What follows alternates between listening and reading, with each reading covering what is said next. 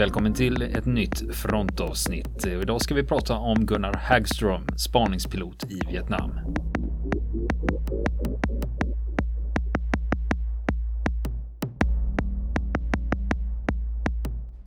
Och nu fortsätter historien om Gunnar Hagström, spaningspilot i Vietnam.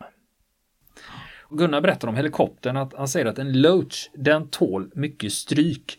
Men får du en kula i motorn eller i turbinen, då slår den ut den.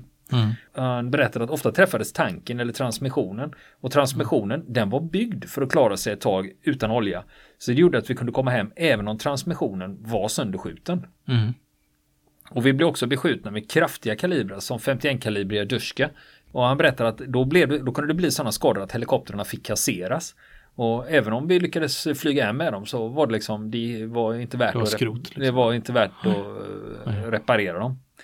Och Gunnar berättar mycket om tiden i Vietnam, hur det var med eh, han minns mycket om musiken. Det var Cream och Hendrix och Dylan, tidiga Stones och Santana. Och han berättar att när han hör det idag så väcker det ju självklart minnen. Och han berättar att när han var där då lyssnade vi på Radio Vietnam och där var det ju, mm. där var det ju riktig rock'n'roll och det var ju det vi lyssnade på. Mm. Och han säger att när jag hör de låtarna så jag minns ju mig tillbaka med en gång. Va? Det är ju mm. som en madeleinekaka. Ja. Det var inte han som sa madeleinekaka, det var jag. ja. Uh-huh. Och sen eh, var det just det där med att de var ju på basen då, Fubai. Det var därifrån mm. de utgick. Och där var det ju taggtråd och bevakning. Men det hände att det blev anfall mot basen och då var det artilleri eller granatkastare. Men ändå så slappnade de av när de var på basen och kände sig ganska trygga. Men oftast hade vi svårt att sova på grund av att vi var oroliga. Och det var speciellt om man hade varit i ett jobbigt område och visste att man skulle tillbaka dit dagen därpå. Just det. Och det var ju varmt och fuktigt och de hade ingen luftkonditionering. Och vi fick byta kängor ofta eftersom det växte mögel på dem efter bara ett par dagar. Mm. Eh, och lämnade du ett par kängor i en vecka utan att göra något med dem, så, då var det jättemycket mögel på dem. Så den, det var den miljön de vistades ja, i. Eh, vilken inställning hade Gunner då för att ja. klara av det här? Han var ju bara 21 år. Han, han, försökte tänka så här att ja, men det jag gör, jag, jag är bra eh, och det jag gör det räcker och jag är så pass bra för att klara mig. Så det, men det fanns också en viss stöddighet, men visst var vi rädda. Och det kom in nya Loach-piloter som vi förlorade och jag förlorade även många kamrater. Så det var mm. ju dödlighet bland de här. Just det. Där de sitter och bara för att inte glömma att eh, mm. den här typen av helikoptrar de är inte bepansrade överhuvudtaget utan det är ju aluminium. Det är alltså kulorna, det. det. är som en ölburk. Kulorna går ju bara rätt mm. igenom. Det. det. finns ju inget som skyddar dem där. Och eh, blir du träffad mm. eh, helikoptern så den får skador, då blir du ju nedskjuten. Det här mm. hände Gunnar. Inte en gång, mm. inte två gånger, ja. inte tre gånger. Fyra gånger blev han nedskjuten oh, under sin tid i Vietnam. Och han berättar att en av gångerna så samverkar jag med ett sydvietnamesiskt kompani vid Achaudalen. För kompaniet där, de letade efter ett NVA-kompani och efter halva dagen hade jag hittat fienden. Och det var ett ganska öppet område och jag flög långsamt på låg höjd. Plötsligt tömmer en fiende ett magasin från sin AK47 rakt upp i min helikopter. Motorn lägger av direkt och det börjar pipa överallt. Det här skedde uppe vid en kulle så jag kunde vika av och utnyttja fallet till att ta mig bort från kullen. Och jag började autorotera. Och det är när man utnyttjar fartvinden för att få bladen att rotera för att få lite lyftkraft. Mm.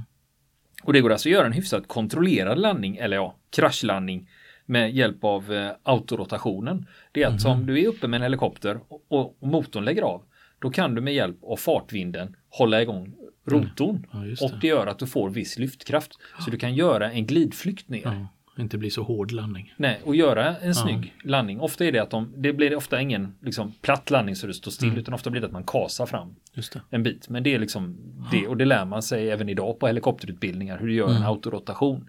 Mm. Och ibland så händer det också olyckor när eh, helikopterstudenter skall eh, lära sig autorotation då. För det, mm. det, är helt enkelt. Det blir också det när du slår av motorn då har du ju liksom en chans. Det är inte sådär när du är tre centimeter över. Äh, det blir inget bra, jag lyfter. Nej. Utan då får du ju landa. Ja, precis. Men det som händer med, med Gunner här när han, auto, han, han viker av från den här kullen och autoroterar ner mot djungeln. Och han landar i 50 meter höga träd. Mm. Det är där han landar. Men det finns ett mål med den här typen av landning. Det är inte liksom helt slumpmässigt utan det mm. finns en taktik. Hur gör man då? Jo, säg att du blir nedskjuten och blir tvungen att krascha i djungeln. Hur gör du då? Mm. Det här är ett bra tips för alla som eh, tänker bli, eh, bli helikopterpiloter och ska iväg och kriga någonstans i djungeln. I, i djungeln så är det här bra. Lyssna extra noga nu. Eh, det här är Gunnar Hagström, eh, mm. Vietnamveteran, som har delat med sig av det här tipset. Jo, då gör man så här att man, när man, när man sätter ner helikoptern i träkronorna där, då är mm. målsättningen att helikoptern ska vippa bakåt. Aha. För när den sen rasar neråt, då är det stjärtbommen mm. som tar smällen. Mm. För vi vill inte åka ner med näsan först va? Ja, i skiten här med grenar och grejer, ja. utan vi vill ha skydd. Så då, då stjärtbommen, ja. Den, den tar, den, det blir som att den kompressionszon fungerar lite som en airbag nästan. Eller sån här, vad sa du, kompressions... Deformationszonen. Deformationszonen. Det. Så det är så man gör då för att överleva en helikopterkrasch i djungeln då. Så du ska ha stjärtbommen neråt när du faller ner genom, mm. genom träden då. Mm. För ofta pratar de om det som de kallar för triple canopy. Det vill säga att eh, det, det finns växtlighet i olika höjd. Mm. Att eh, du har inte bara eh, mm. träkronorna där uppe och sen, och sen inget mer utan det är olika lager ner då. Just det. Så att det här är ett sätt då att klara mm. fallet ner genom träden och även då stöten mm. mot marken då. Det är att komma med, slå, slå ner med röven först helt enkelt. Han berättar att de studsar ju ner bland träden tills de når marken. Och helikoptern ligger upp och ner och tanken är trasig och det rinner ut flygbränsle över besättningen. De tar sig ur helikoptern och tar fram sina vapen och de vet ju att de har egna styrkor i närheten. Mm. Och de som först kommer fram till dem det är det sydvietnamesiska kompaniet och de leder ut dem till en landningszon där de blir upplockade av en Huey. Och under tiden det här sker så lyckas även det sydvietnamesiska kompaniet då slå ut fienden. Då var det så här att eh, Gunnar hade ju faktiskt blivit nedskjuten här då. Mm. Så då fick han faktiskt en dag ledigt. För, att, för, för, att hämta sig. Och sen var det dags att börja flyga igen. Och han berättar att hur reagerar man då efter en sån här upplevelse? Eh, jo, de första dagarna var man ju lite extra försiktig, men sen var det som vanligt igen. Och sen fanns det också det där att det var alltid ont om helikoptrar, alltid ont om piloter. Det gjorde att de var ju tvungna att flyga mm. jämt. Just det. De hade ju inget att välja på. Mm. Och en månad senare, efter den här mm. kraschen då, då kommer det en sydvietnamesisk officer förbi och ger Gunnar en sydvietnamesisk Distinguished Flying Cross för hans insatser ihop med det sydvietnamesiska kompaniet. Så de var ju mm. nöjda med hans mm. insatser i alla fall. Mm. Han återkommer där med just med helikoptern då. Att den är välbyggd och den klarar fientlig eld och eh, den klarar krascher hyfsat bra också. Men han berättar att en gång hade vi träffats av 51 kalibers eh, kulor då. Mm. Men helikoptern höll. Eh, cockpiten var helt sönderskjuten. Det var regnigt och dimmigt och jag hade visiret uppe för att se. Och det är problemet när de blir träffade så tappar han synen. För han får, när, fem, när de här kulorna slår in i kabinen, då träffas han eh, av splitter i ansiktet och i ögonen. Mm. I normala fall så har han ju visiret nere för att skydda ögonen från sådana här ja, saker. Men eftersom det var dimma och dålig sikt ja. så hade han visiret uppfällt för att se bättre. Och då får han splitter otur. i ögonen och tappar synen. Och då är det observatören bredvid som fick ta över. De hade fått lite utbildning. De var inga helikopterpiloter de här observatörerna. Nej. Men de hade ändå fått lite grundläggande utbildning för att kunna hålla helikoptern ifall ja. piloten blev träffad. Ja, Men den här observatören han lyckas ta hem helikoptern. Och det var 30 minuters flygning till Fubai. Uff. Och han sätter ner den i farten, en så kallad rullande landning. Så det var liksom ingen snygg landning utan Nej. han kom ju kasande, kasande ner. ner kasande ner på asfalten där. Gunnar säger att det var ingen snygg landning men han lyckades ju rädda oss. Ja, nu såg ju inte Gunnar landningen eftersom Nej. han hade ju splitter i ögonen. han kände den säkert. Han, han, hade nog varit med om några helikopterlandningar vid ja, det här laget. Så att, eh, och det var tur här också för de, de var nära sjukhuset. Och de fick bort splittret ur hans ansikte och de plockade även ut splitter ur ögongloberna. För det var så ja. pass ytligt så mm. han eh, klarade synen. Mm. Och för det här så det är ju en skada som har fått som har skett i strid och då får man en Purple Heart. Man får en Purple Heart. Det fick ju Gunnar. Ja. Gunnar här också då. Och sen fick han dessutom ledigt några dagar innan han började flyga igen. att, för att ja. låta ögonen läka ihop lite. Gunnar han berättar också att i Arshaudalen då fick de ta emot mycket 51 kalibrig eld och det var ju de här tunga kulsprutorna Duska mm. som eh, vietnameserna, nordvietnameserna och Vietkong hade. Mm. Och de satte upp dem på bergstoppar och det gjorde att de ofta hamnade i korseld. Mm. Och det skadade helikoptern mycket. Och vi var mycket i Ashaudalen eftersom det var en stor väg där som kom in från Laos. Och den gången var jag högre upp än den andra gången. Han blev nedskjuten igen. Mm. Eh, och då kraschade han bredvid vägen och då var det en autorotation och sen kraschade han ner där.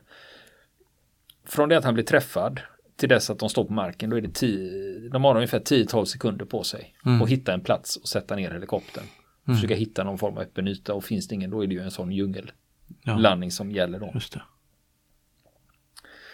Och det som hände när de blev träffade där i Ashaudalen vid det här tillfället var att de blev träffade i motorn och den la av direkt. Ja. Och då blir det ju autorotation och så Just en det. krasch. Och sen berättade de också att vi hade ju fler helikoptrar där uppe. Så inom fem minuter så kom det en Huey och plockade upp oss. Mm. Och just det med autorotation, han berättade att eh, de hade övat väldigt mycket på det. Så det skulle sitta i ryggmärgen. Så när det väl blev dags att använda det skarpt så skulle det inte komma som någon överraskning utan då skulle Ja, det just vara helt inställt på hur det här gick till då. Mm. Men eh, han berättar också att ibland så var bladen så sönderskjutna. Eh, eh, när Ja. de kom hem. De såg ofta, de såg, det såg de först när de väl kom hem och hade stängt av Ja. helikoptern och rotorbladen hade stannat. Då ser de att hur i helsike kan de här Ja. hålla ihop? Va? Ja, Med tanke på hur mycket hål det är i dem. Va? Eh, Och det var samma sak med transmissioner som var helt sönderskjutna och ibland Mm. var stjärtbommen också sönderskjuten men de kom hem ändå. Och han berättar också att ibland när de kom hem och tittar på helikoptern efteråt så ser de att herregud det är kulhål i den. De har inte ens märkt att de har blivit träffade. Eh, Alltså att de blivit beskjutna överhuvudtaget. Nej. Och så berättar han om hur det var på eh, basen då, att han tycker han hade, han hade kul med sina kompisar där. Och han berättar att när vi var lediga så rökte vi cigaretter och drack öl. Eh, problemet var att ölen var oftast varm och Mm. burkarna var rostiga för på den tiden så var burkarna av stål. Och av fukten så rostade de. Så det var, de drack varm öl och rostiga burkar. Och det ser man ofta i, eh, alltså, det här är också en sån här grej som många kör Mm. med för att, för att skryta med hur eh, kunniga de är. Mm. Att när man ser i Vietnamfilmer när de ska öppna ölburkar då hade, då hade man inte de här ringarna Nej. som man öppnar så utan man hade, fick ha en metallgrej och göra hål i Mm. ölburken för att För dricka, att ur dricka dem. då, ja. Och då en del säger, ja i den Vietnamfilmen där har de minsann fel ölburkar. Ja, just det. Just det. Icke trovärdigt. ja precis, det såg jag hela filmen Ja, på grund av att de hade fel ölburk. Just det. Sen börjar ju hans tjänstgöring så småningom eh, lida mot sitt slut. Och han berättade att sista månaden då var jag väldigt erfaren och folk var förvånade över att jag fortfarande var i livet. Och då fick jag göra mer underhåll på basen på helikoptrarna istället. Jag, jag flög färre uppdrag.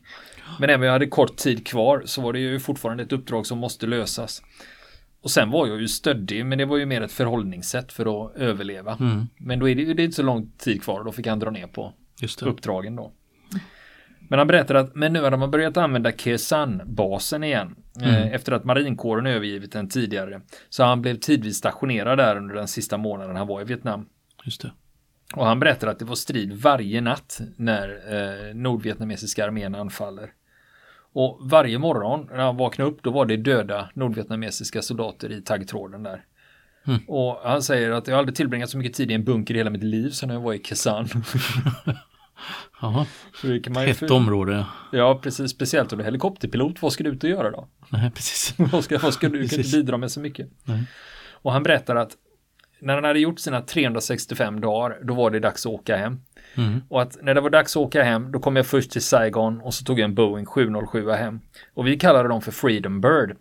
Och jag var bra trött då. Men jag var lättad över att jag hade överlevt och jag tackar Gud för att jag var i livet och att jag hade armarna och benen kvar. Och då kommer han först till Fort Lewis, eh, det ligger utanför Seattle eh, i staten Washington då, för att bli utmönstrad. Och sen tog han ett flygplan från Seattle till Billings, Montana där familjen möter honom på flygplatsen. Mm. Och Gunnar han berättade att efter Vietnam då vill han aldrig ha uniform på sig igen. Och det där kasernlivet det var jag inte intresserad av heller. Nej. Men jag hade ju skrivit på för två år efter Vietnam. Mm. Eh, Och jag, han var ju teknisk officer, warrant officer heter ju det Just det. i amerikanska armén. Men det fanns väldigt gott om sådana här warrant officers som man kunde skriva av kontraktet. Så han gjorde det. Så han kom ur armén och så, så kom han tillbaka till Billings. Jag menar, han hade ju ändå gjort sitt år i Vietnam. Liksom. Ja. Men så går det sex månader och sen börjar han sakna flygningen. Under den här tiden så har han dessutom skaffat sig långt hår. Och han berättar att han hade, eh, han hade granatchock som det kallade. Det hette på, så på den tiden. Just det. Och det gjorde att han hade svårt för, svårt för smällare Och när någon smällde i en dörr, Mm. då ryckte han till. Det var ett, bara ett sånt exempel på hur det tog sig uttryck då. Men så var det ju det där med flygningen då. Hur ska man göra? Han gick med i nationalgardet. Just det. ja, det finns ju mer, fler, mer folk här i världen som har gått med i Ja. amerikanska nationalgardet för att få, för att få flyga. flyga. Just det. Ja. George. Bush den yngre. Just det. Men det var just det där när, när Gunnar väl kom hem till Billings så då försökte han ta upp livet där, som han hade lämnat. Han började med att eh, jobba med att installera garageportar. Men efterhand så blir det mer och mer flyg. Och sen 1980 då började han flyga för en firma på heltid. Och då var det eldsläckning och seismologiska undersökningar. Och det är ju helikopterpilot han är alltså. Ja. Och sen är han, eh, sen flyger han upp i Alaska fram till 1988. Och sen börjar han flyga fraktflygplan och det höll han på med i 15 år. Mm. Och det gjorde han sen också uppe i Wyoming, Colorado. Mm. Och höll på med flygning. Han säger själv att Vietnam, där lärde jag mig flyga och det är jag tacksam för. Det var min utbildning som gav mig en möjlighet eh, att få ett arbetsliv och flyga.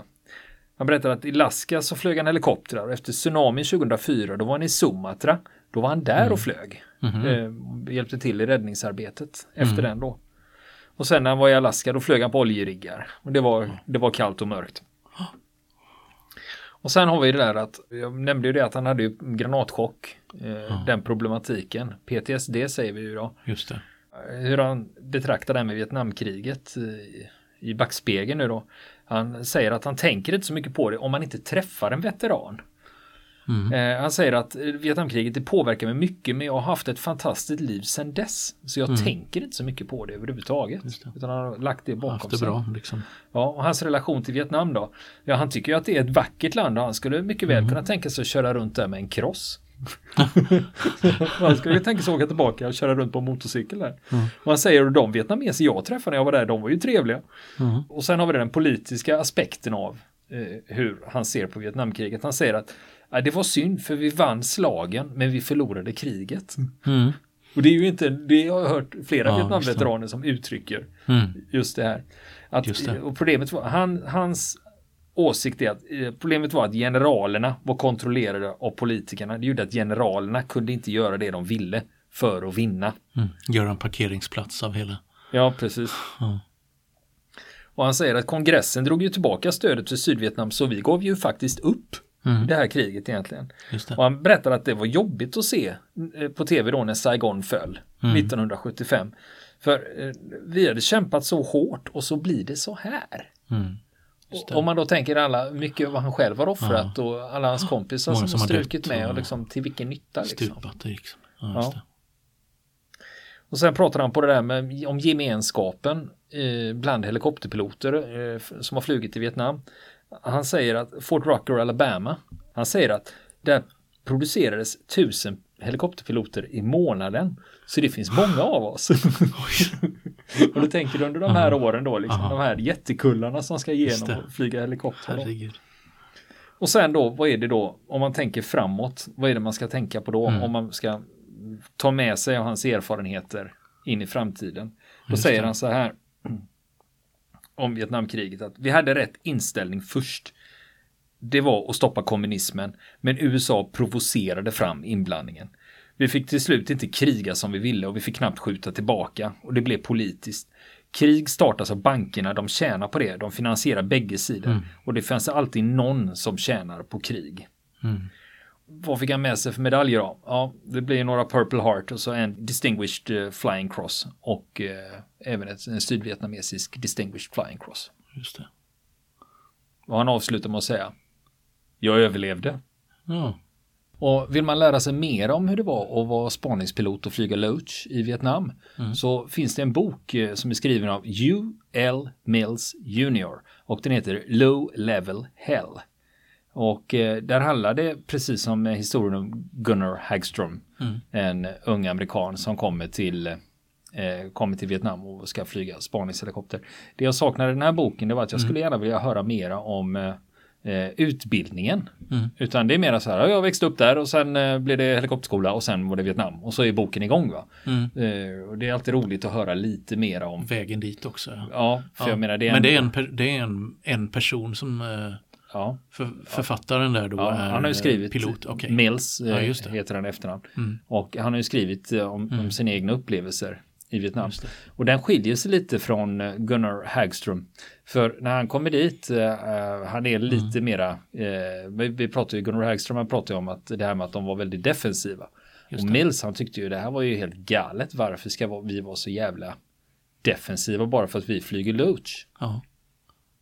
Utan han tycker, vad fan, vi kan ju, om vi monterar Var på en min-. Ja. Nej, om jag monterar på en minigun. Då kan jag ju bita ifrån va? just jag, menar, jag menar, för han är ju inte Ja. intresserad av okej, att okej, Nej. spaning är all ära va, det ska man ju vara duktig på att upptäcka fienden. Men sen när det väl smäller va, Ja, eh, just så, så han är ju med och utvecklar en annan taktik.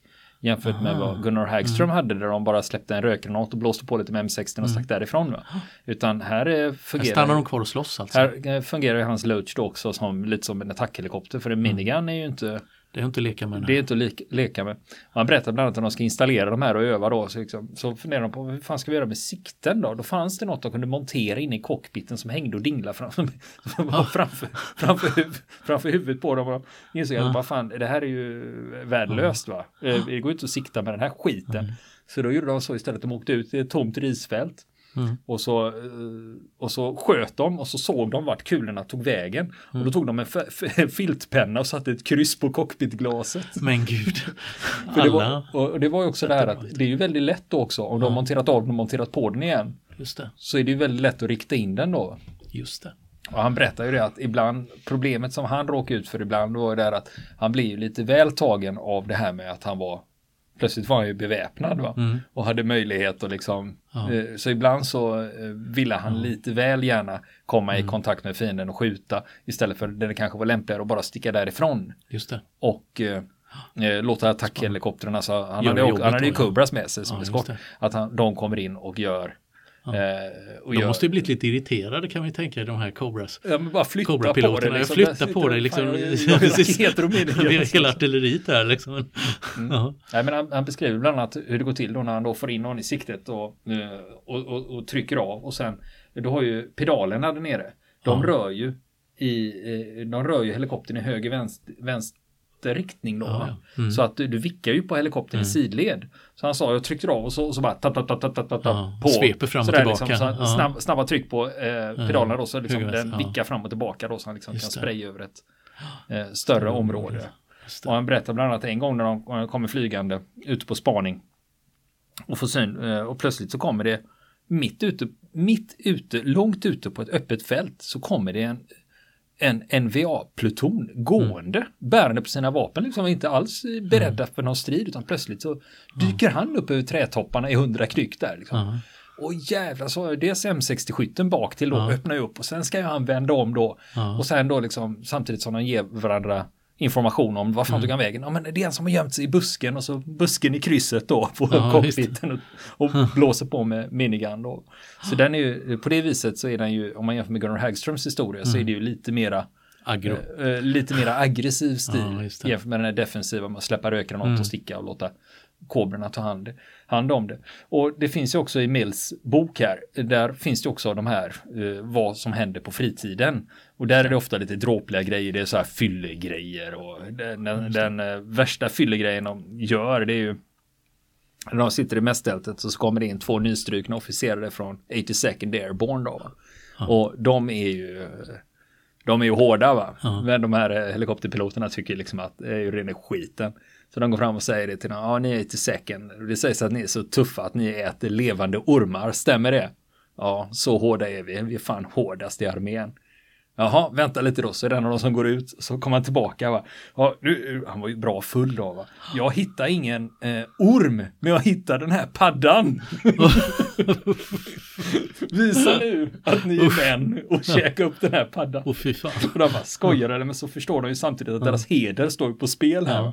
Ska man svälja, och då ska man ju käka upp en padda då. va. Och en av de här från 82nd, de här fallskärmsjägarna, ryser. de försöker ju Ja. Han försöker liksom få in det med ben, han får inte in Nej. bakbenen i munnen då så att han Ja. eh, så han spyr då och visst. paddan hoppar iväg lite lätt förvirrad. Men då ska ju en av de här helikopterpiloterna visa hur det verkligen Mm. går till. Så han tar ju den här jävla paddan in i munnen och sväljer hela skiten. Åh. Och de här från 80 second de blir ju bara bleka och går därifrån. Tänker det här var det sjukaste vi har sett, en, en person som sväljer en hel padda. Men den här helikopterpiloten han springer ut och spyr upp paddan hel igen och den hoppar iväg. Oh. Så det är exempel på de här galna upptågen som, eh, som också finns med. Oh, fy fara. Ja. Och eh, författaren det är L. Mills och boken heter Low Level Hell. Och den här är ganska spridd så vill man ha tag på den så finns den på Amazon och Ebay. Så är man intresserad av eh, hur det var för spaningshelikopterpiloterna i Vietnam så är det eh, rekommenderad läsning och det är ju action rakt igenom och eh, det finns väldigt mycket fina recensioner på den också. Vill ni komma i kontakt med oss så kan ni göra det via vår Facebook-sida som heter Fronten. Det är inga problem för er att leta er fram där.